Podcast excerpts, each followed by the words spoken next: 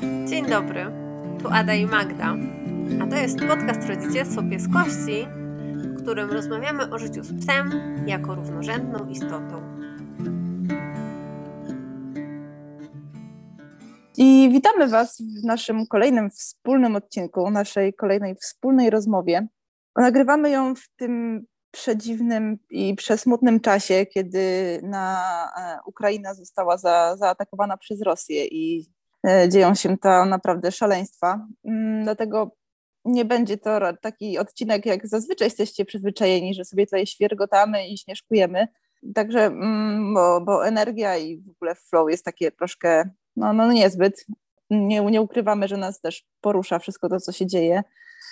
E, nagrywamy w, nie, w niedzielę. Mhm. Nie wiemy też, co będzie dalej. Ja chciałabym nagrać e, w najbliższym czasie też taki od, odcinek, bo wiem, że zgłosiło się dużo domów tymczasowych, które chciałyby zaopiekować się zwierzętami, które przyjeżdżają z Ukrainy. I chciałabym nagrać taki odcinek, taki bardzo praktyczny, jak wesprzeć psa w takiej adaptacji, jeżeli trafia nagle z trudnej sytuacji w zupełnie nowe środowisko. Myślę, że to może komuś chociażby troszeczkę pomóc. Więc chyba tyle będzie od nas z podcastu. Tak, także następny odcinek, który znajdziecie e, gdzieś tam w przestrzeni internetu, to właśnie będzie Ady o tej adaptacji psiaka. A dzisiaj poruszymy taki temat, który w sumie miałyśmy nagrywać o czym innym, ale zawsze przed nagrywaniem wspólnej rozmowy spotykamy się na taką burzę mózgów, żeby sobie przegadać ten temat, żeby y, zobaczyć, jakie mamy tutaj flow i podejście do danego tematu. No jak gadałyśmy ostatnio, no to y, nam się totalnie jakoś zmienił pomysł, że okazało się, że w danym momencie co innego nas porusza i co innego nam gra w sercu. Dobra, to Wam troszeczkę zdradzimy, o czym miał być ten odcinek, bo miał być o naszych błędach. Chociaż wydaje mi się, że o naszych błędach trochę gadamy w każdym wspólnym na pewno odcinku, a spotykając się na tą naradę i też rozmawiając o tym, co u nas i co jest u nas żywe, wyklarował się taki temat, jak myślenie o przyszłości i takie siedzenie w przeszłości yy, może negatywnie wpłynąć po prostu na nasze życie z psem. I nie chodzi nam o to chyba, że przeszłość jest, ma, mamy ją odciąć i o niej nie myśleć, ale jak się do niej odnosić, żeby była raczej wspierająca i była takim źródłem informacji, a nie taką kotwicą, która nas trzyma i nie pozwala iść dalej. Mhm. Bo też ja y, wrzucę y, z mojego jogicznego ogródka, y, ale to nie tylko jogicznego, po prostu tak jest w życiu, że przeszłość już była, przyszłości jeszcze nie ma, a jedyne, w czym żyjemy, to teraźniejszość. I kiedy nie, nie potrafimy jakoś tak się uwolnić i pójść dalej z przeszłości, albo ciągle żyjemy marzeniami o, o przyszłości, no to, to po prostu ucieka nam ta teraźniejszość przez palce. No więc do tego mm, no, tyle ważne jest, mm, żeby, żeby jakoś potrafić wyciągnąć wnioski z tego, co było, ale żeby móc w pełni żyć tu i teraz. I ten temat też spotykamy się dość często z, właśnie z tym problemem zwolnienia się od przeszłości na konsultacjach, jak idziemy do, do, do psów i ich ludzi, to często można wyczuć albo od razu rzuca się w oczy to uwikłanie w przeszłość, że, że, że coś tam się zadziało i to tak bardzo rzutuje na teraźniejszość, że, że ludzie nie są w stanie pójść do przodu. I ty, Ada, ostatnio miałaś taką konsultację, nie? To była konsultacja, gdzie po krótkim spacerze rozmawialiśmy o tym, jaki jest tryb dnia psa, ale również o tym, co go ukształtowało, jaka była przeszłość, z jakiej hodowli pochodzi, co się zadziało w tym życiu, że teraz ma te problemy.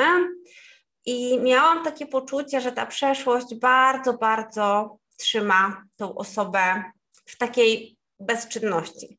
To znaczy, bezczynnością nie jest to, że oczywiście jakby mnie E, gdzieś tam poprosiła o pomoc i idziemy dalej, ale że miałam takie poczucie, że nie, no on tego na pewno nie zrobi, bo miał takie doświadczenie. Nie, no to się na pewno nie uda, bo już próbowaliśmy, bo on się wtedy przestraszył i tak dalej, nie?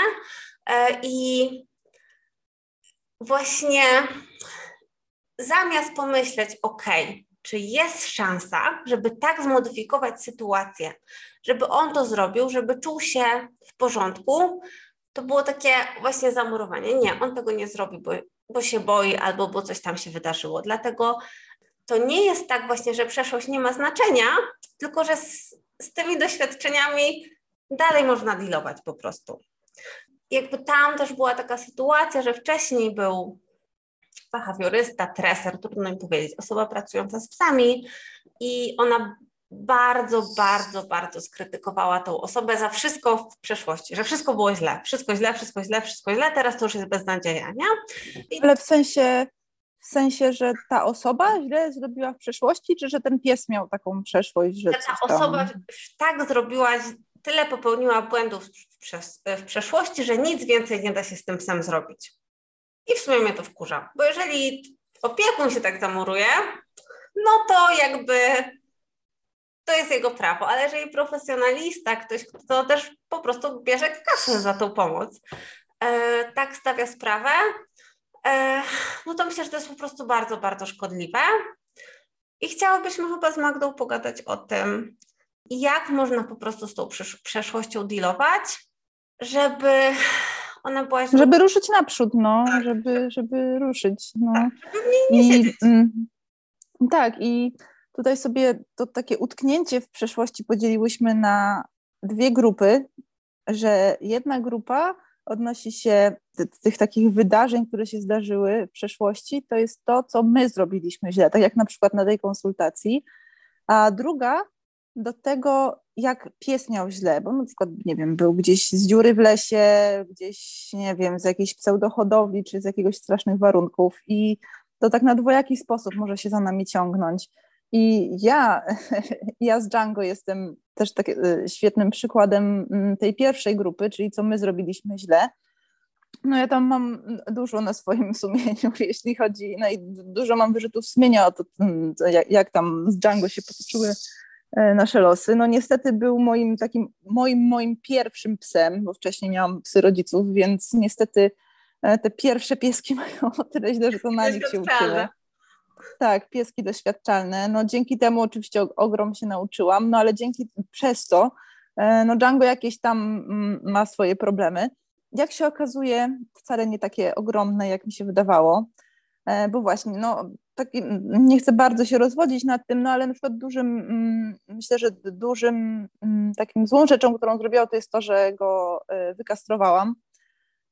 To znaczy tak, na stan on był kastrowany jak miał 2,5 roku, Mm, i na stan wiedzy zarówno weterynaryjnej, jak i behawioralnej z tamtego czasu, no to, to po prostu ta, tak się robiło i jako, że miał nie być reproduktorem, a miał jakieś tam zachowania takie, że o, taki kogucik do innych psów, no to o, to ciachnij mu jajka, będzie spokojny.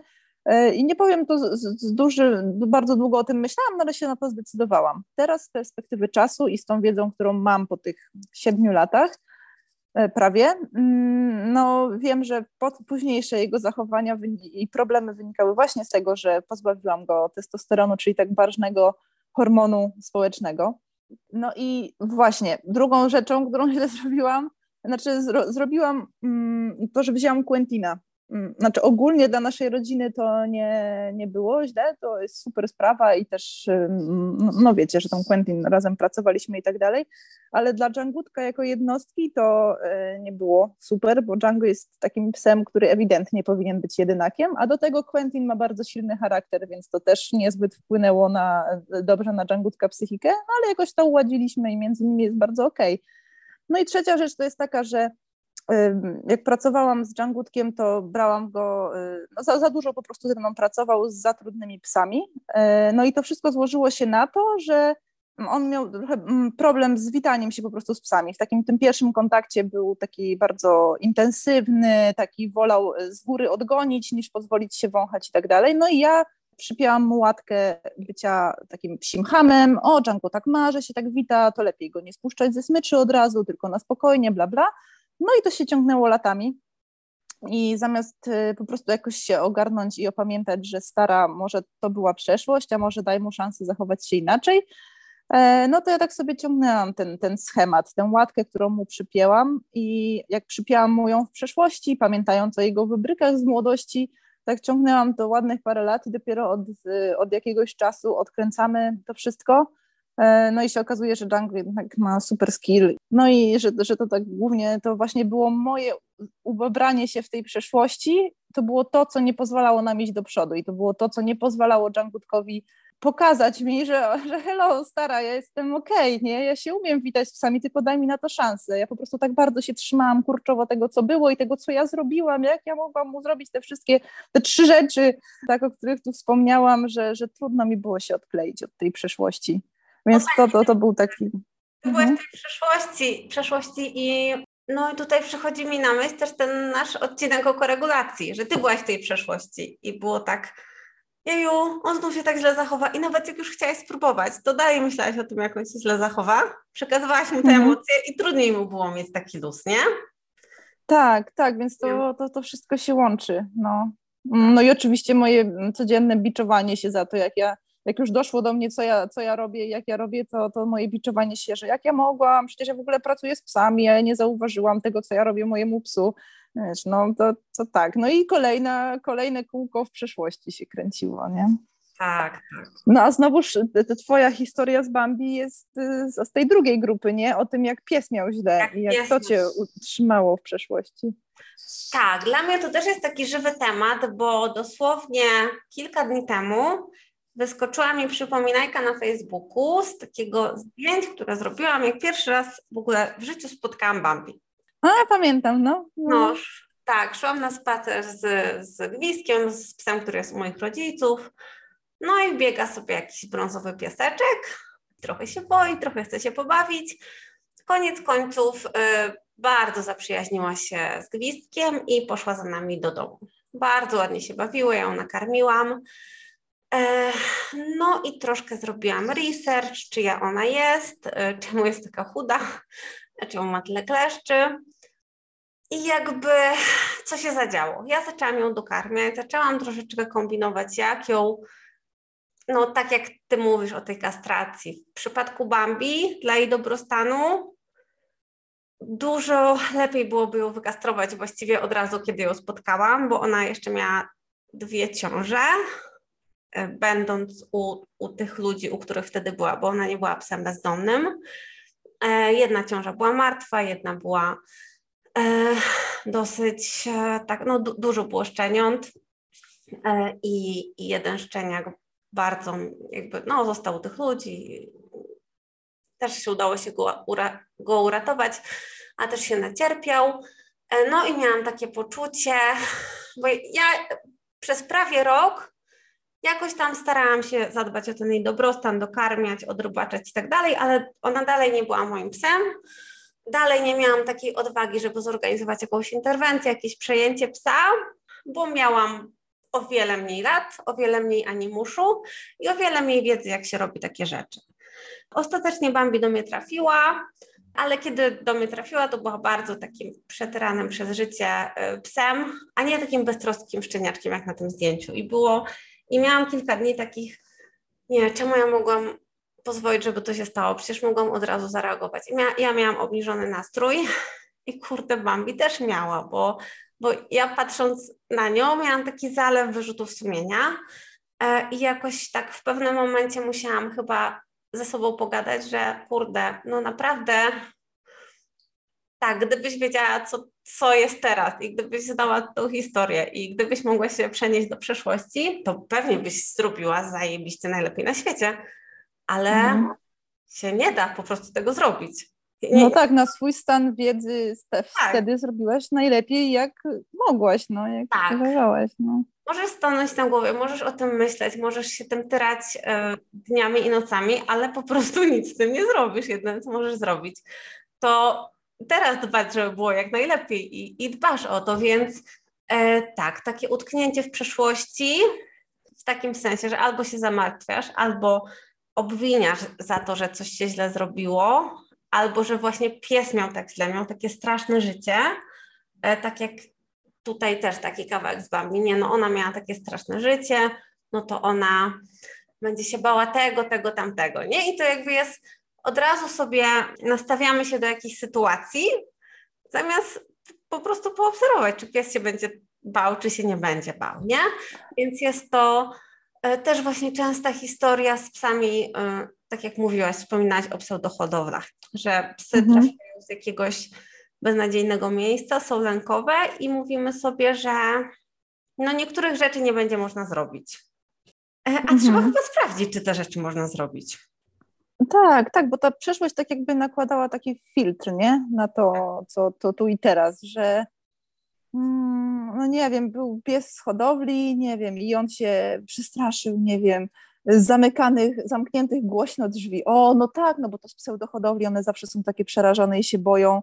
A może nie wiem, bo może, kurczę, wiesz, coś zupełnie, to, to nie miało związku z tym, tylko po prostu się przestraszył głośno zamykanych drzwi, tak jak my się czasem przestraszamy, nie? Więc ten filtr potrafi tak bardzo wypaczyć to, co się dzieje tu i teraz, że, że nie mamy takiego obiektywnego oglądu sytuacji. Trochę jakby wyłączamy takie kombinowanie, jak zrobić, żeby pies był w stanie sobie poradzić z, jakąś, z jakąś sytuacją, jak go wesprzeć, jak tą sytuację zorganizować, jak ją stopniować. Tylko myślimy, nie, no na pewno się nie uda, bo on jest biedny i miał straszne życie. Mhm.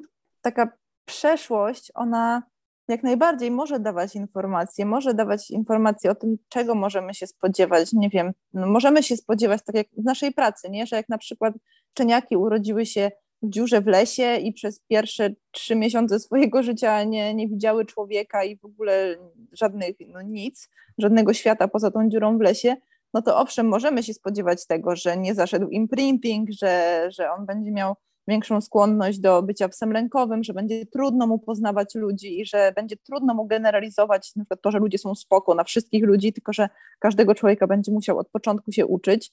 Owszem, tak jest, no i, i to nam daje jakieś informacje, ale też nam daje narzędzia, nie? że no, no wiemy, że tak jest i, i, i już tam wiemy, co, jak można pracować z takim psem, żeby on, ta przeszłość dawała nam informacje, no ale żebyśmy nie tak się babrali, że on był z dziury w lesie, no to już tylko może pójść do domu na wsi, gdzie będzie mało ludzi, nikogo nigdy nie spotka, bo już na pewno mu się nie da wyjść, nie uda wyjść z, tej, z, tej, z tego trudnego początku swojego życia, nie? Bo właśnie ta, e, tak, dokładnie. Bardziej informacja typu, ok, czyli tutaj socjalizacja musi być bardziej przemyślana i staranna, jak w przypadku szczeniaczka, który, któremu zawsze było ciepło, który zawsze miał wszystko, spotkał mm -hmm. się z fajnymi ludźmi i, i miał fajną rodzinę, ale no właśnie, nie? Bardziej myślałabym o możliwościach i jakimś takim po prostu odpaleniu kombinowania, a nie zamknięciu się na, y, na to, nie? Żeby gdzieś tam uwierzyć psu, że może on jest w stanie naprawdę nauczyć się tych rzeczy. Mhm.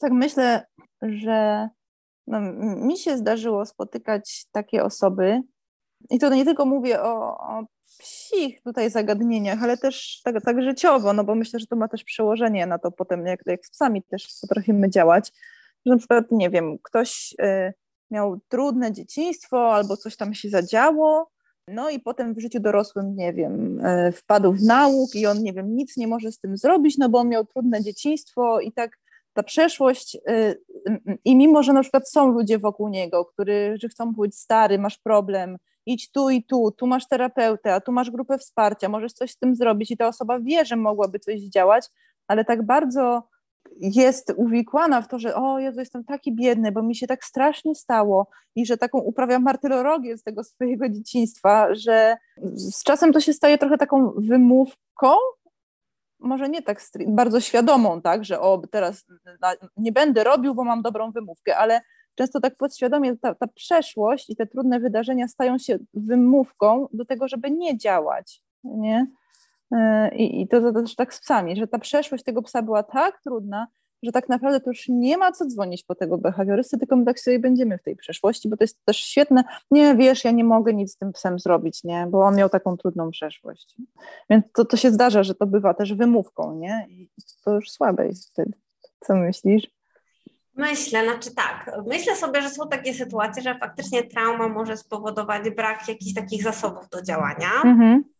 Tylko właśnie, czy taki brak zasobów to też nie jest taka sytuacja, kiedy i tak zawsze można zrobić cokolwiek. Może nie rozwalić po prostu wszystkich przyzwyczajeń i, i wszystkie złe rzeczy na terapii, może nie od razu, mhm. ale zrobić ten pierwszy kroczek w dobrą stronę zadbać mhm. o siebie chociaż troszeczkę, zacząć o tym mówić, iść do specjalisty po leki, żeby one na tyle mhm. mogły poprawić chemię mózgu, żeby móc zacząć robić te malutkie kroczki.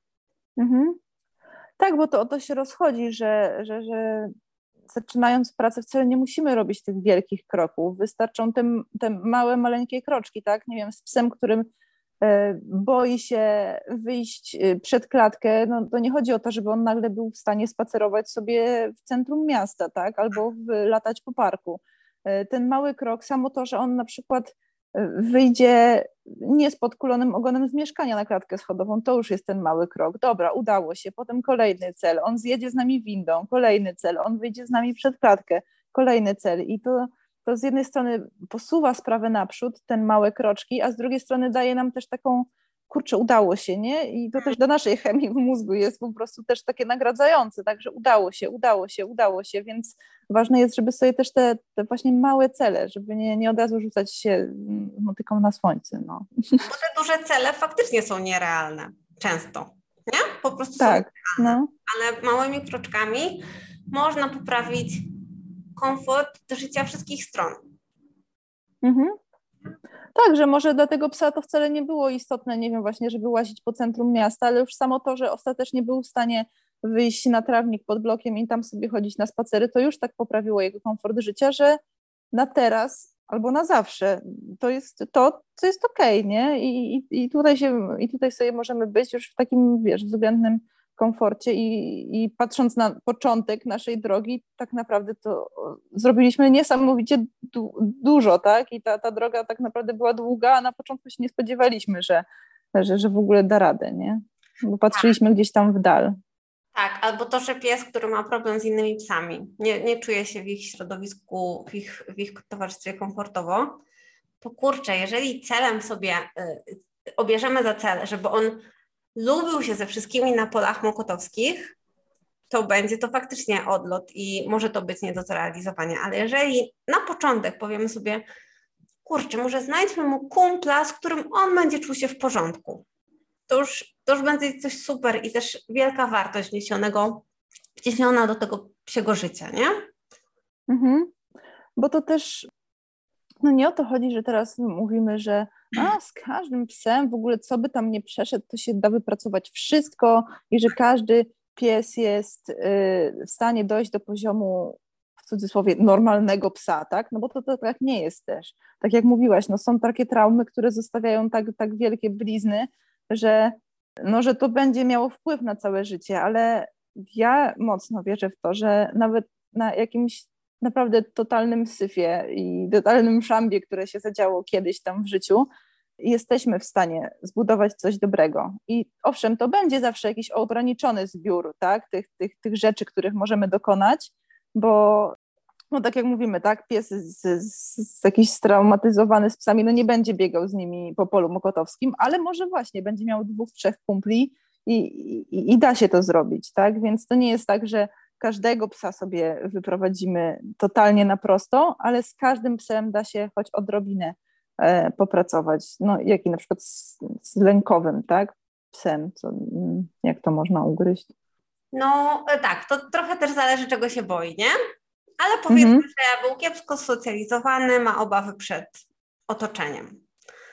E, no to może, skoro jest mu trudno chodzić po mieście, przejść się, wiesz, przy ulicy, potem iść do parku, no to może na początek zapakować do, go do auta, jeśli jeździ, pojechać w jakieś fajne miejsce. Może tam będzie czekał na niego jakiś inny fajny pies, którym pokaże, ej, zobacz stary, jak to jest super, widzisz, jak to jest super? I będzie w życiu psa taka bezpieczna przestrzeń, gdzie on zobaczy dobra, czyli spacery mogą nie być straszne, mogą, nie być, w y, mogą być w porządku, mogą mnie nie przytłaczać i on będzie miał doświadczenie fajnego spaceru. I jakby na każdy kolejny pójdzie już tym zasobem, że może być ok, że może być w porządku, może spacer być nieprzytłaczający, może spacer być miejscem, które jest bezpieczne. Mhm.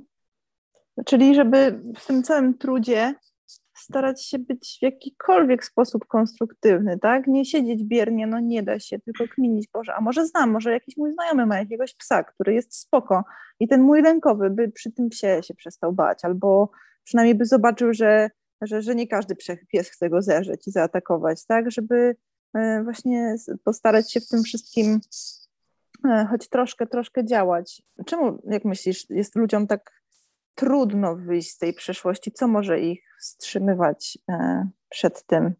No, w tej naszej rozmowie pojawiła się, pojawiło się takie pojęcie emocji, jaką jest wstyd. Myślę, że często właśnie w tej pierwszej, e, w tej pierwszej sytuacji, kiedy my mamy trudność z, tym, z tymi błędami, które popełniliśmy i czujemy na przykład wstyd za to, że wzięliśmy psa z pseudo, bo nie wiedzieliśmy, jak się wybiera hodowlę. Albo, no właśnie, gdzieś tam chodziliśmy na wybiegi dla psów i nasz pies okazał się, e, no teraz rzuca się na psy, bo się boi albo strasznie się ekscytuje, nie? E, I często właśnie mm, wstyd też związany z tym, jak nasz pies się zachowuje. To, że na przykład rzuca się na wszystkie psy, nie?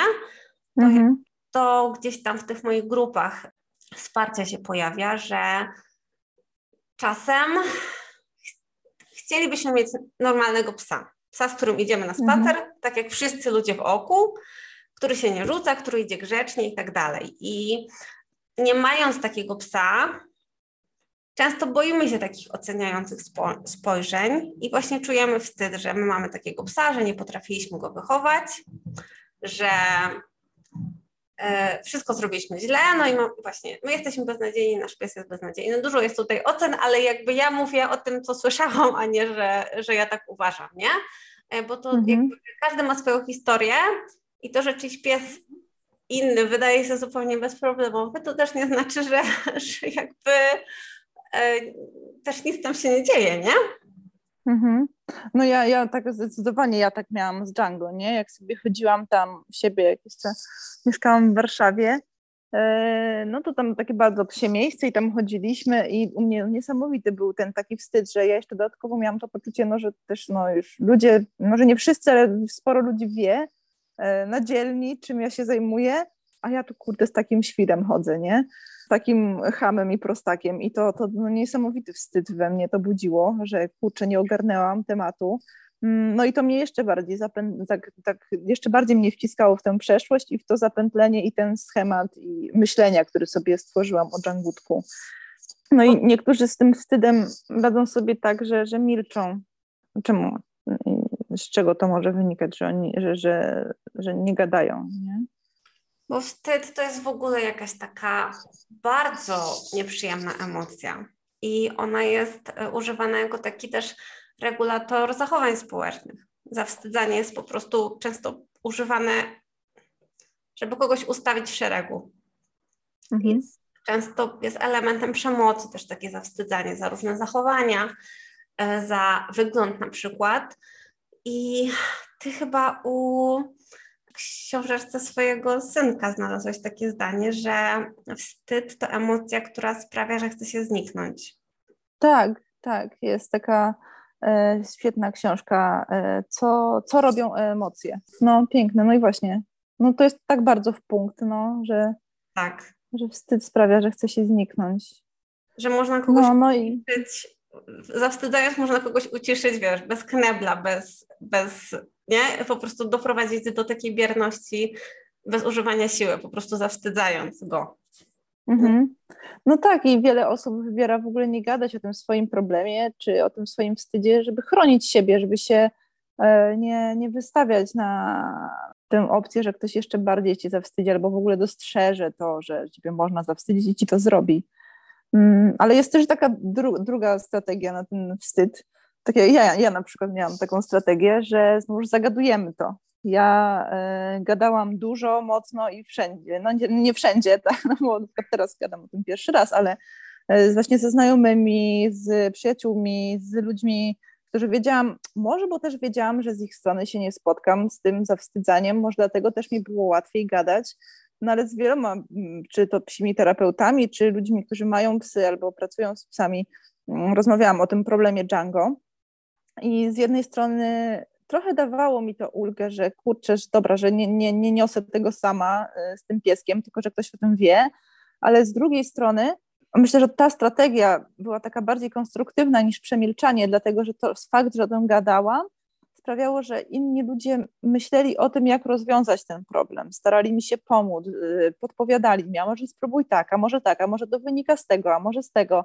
E, I więc to, że e, gadałam, sprawiło, że ostatecznie po dość długim czasie, ale tak, no, znalazłam przyczynę, skąd to się wzięło, dotarło do mnie, że to, to ja mu to wrzucam na barki E, I, I, też, wiesz, zaczęłam znajdować rozwiązania i wsparcie osób, które teraz mi pomagają przepracować ten problem w Django i działa to wspaniale, więc, e, więc akurat z tych dwóch strategii przemilczania albo zagadywania, to, to zagadywanie wydaje się być trochę bardziej konstruktywne.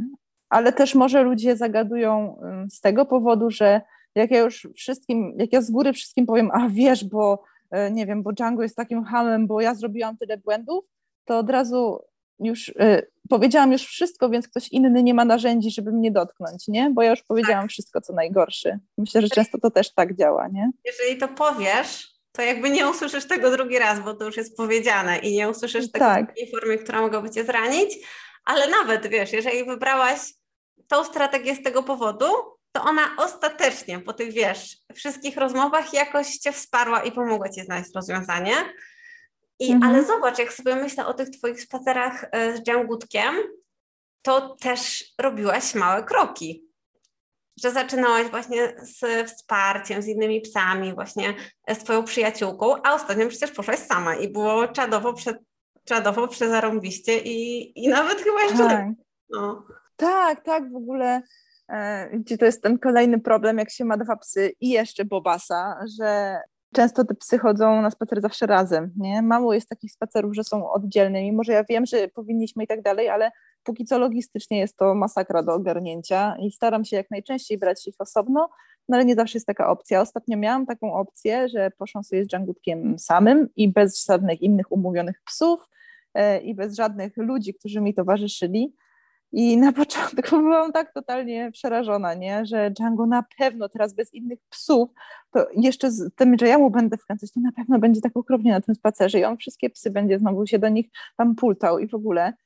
A to był taki spacer, że chyba w ogóle też mocno stąd się wziął ten nasz dzisiejszy tak. odcinek, bo ja taka podjarana po tym spacerze, po prostu gadam do Ady, o matko, co tam się wydarzyło, że e, ja szłam, ja się w życiu chyba tyle nie naoddychałam na spacerze, bo po prostu szłam i Magda wdech, o Boże, pies na horyzoncie, nie zapinaj dżangutka, nie odwołuj go, oddychaj, nie? I to było takie, śmiałam się trochę z siebie, bo nie miałam tego ramienia Kingi, które by mnie wsparło, więc ja musiałam sobie sama być ramieniem, ale to, jak Django się zachowywał, po prostu postanowiłam i też udało mi się dać Django szansę zachować się dobrze, dałam mu przestrzeń, nie zapinając go na linkę i nie odwołując, nie ingerując w jego interakcje, by zachował się inaczej niż zwykle. I, I to było dla mnie mega trudne i wymagało ode mnie wiele wysiłku, bo ja po prostu z bijącym sercem po prostu szłam i też mało się starałam gadać do Django, żeby nie, nie słyszał tych moich emocji, tego stresu. Tak ale nagle się okazało, że Django potrafi stanąć z odległości, poobserwować, czy chce podejść do psa, potrafi ominąć psa łukiem, potrafi się powąchać, może jeszcze na sztywnych łapkach i z podniesionym ogonem, ale daje się wąchać, że jak biegnie do niego jakiś energiczny pies, to on go od razu nie pacyfikuje, tylko się daje obwąchać i odchodzi. Ja po prostu no, łzy w oczach miałam, widząc, że mój pies tak wspaniale potrafi się komunikować i potrafi tak eksplorować, że jak zazwyczaj idzie blisko mnie, to, to teraz sobie eksplorował i był taki o, o jacie. No to było niesamowite, no ale da, dałam mu przestrzeń, po prostu dałam mu szansę, żeby się inaczej zachował. No i tak jak mówimy o tych małych kroczkach, dla piesków to też takie małe kroczki dla nas. Mm. Że nie zawsze musimy być super dzielni, tylko możemy też robić tyle, na ile stać obie strony. Tak, tak. Myślę, że jakbym od razu o tym, jak, po tym jak do mnie dotarło, co, co tam się zadziało u Django i u mnie i skąd się to wzięło, jakbym od razu stwierdziła, dobra, to biorę go samego na spacer wśród psów i zobaczymy, co się stanie, to ja bym tego totalnie nie udźwignęła i myślę, że Django przez to, że ja bym nie udźwignęła, to on też, to, to by tak nie wyglądało, ale przez to, że już dłuższy czas pracowaliśmy małymi krokami różnymi, no to sprawiło, że, że teraz jesteśmy tu, gdzie jesteśmy, gdzie naprawdę jakbyś mnie spytała pół roku temu, czy Django jest w stanie być e, luzem wśród wielu psów sam, to bym powiedziała, że no fucking way po prostu, że nie ma takiej opcji, że on tam wszystkich zje. No. A jednak. Tak, też trochę mam takie poczucie, że jednak te, te mm, nasze rozkminki podcastowe też gdzieś tam trochę to wsparły i tak się śmiałam, mm -hmm. że e, nie wiem ile, ile osób gdzieś tam tego słucha i to im pomaga, ale chociaż te takie nasze małe pieski, znaczy pieski w naszym małym otoczeniu, które gdzieś tam coś biorą, moja Bambi, Django i tak dalej, to, to też jest ważne i cenne i to są nasze małe kroczki. No, także kurczę, no chyba kolejny raz e, kolejny raz namawiamy Was do tego, żeby, żeby gadać, żeby prosić o pomoc i wsparcie, nie tylko tę profesjonalną pomoc, ale też pomoc bliskich i przyjaciół i pomoc kogoś, kto nie jest aż tak zaangażowany emocjonalnie w te relacje, nie? Żeby sobie nie dopalać, tylko być dobrym dla siebie. Tak. Nie? No, żeby zadbać o siebie, żeby potem móc dać swojemu psu, tak, i potem włożyć w te relacje dobre rzeczy. E, I też trochę tak, że nie tylko wy tak macie, no. Że nie tylko wy mieliście słabo w przeszłości i nie tylko wy ciągniecie ten smrodek przeszłości ze sobą i trudno wam otrzepać te łapki z tej przeszłości i z tego błotka.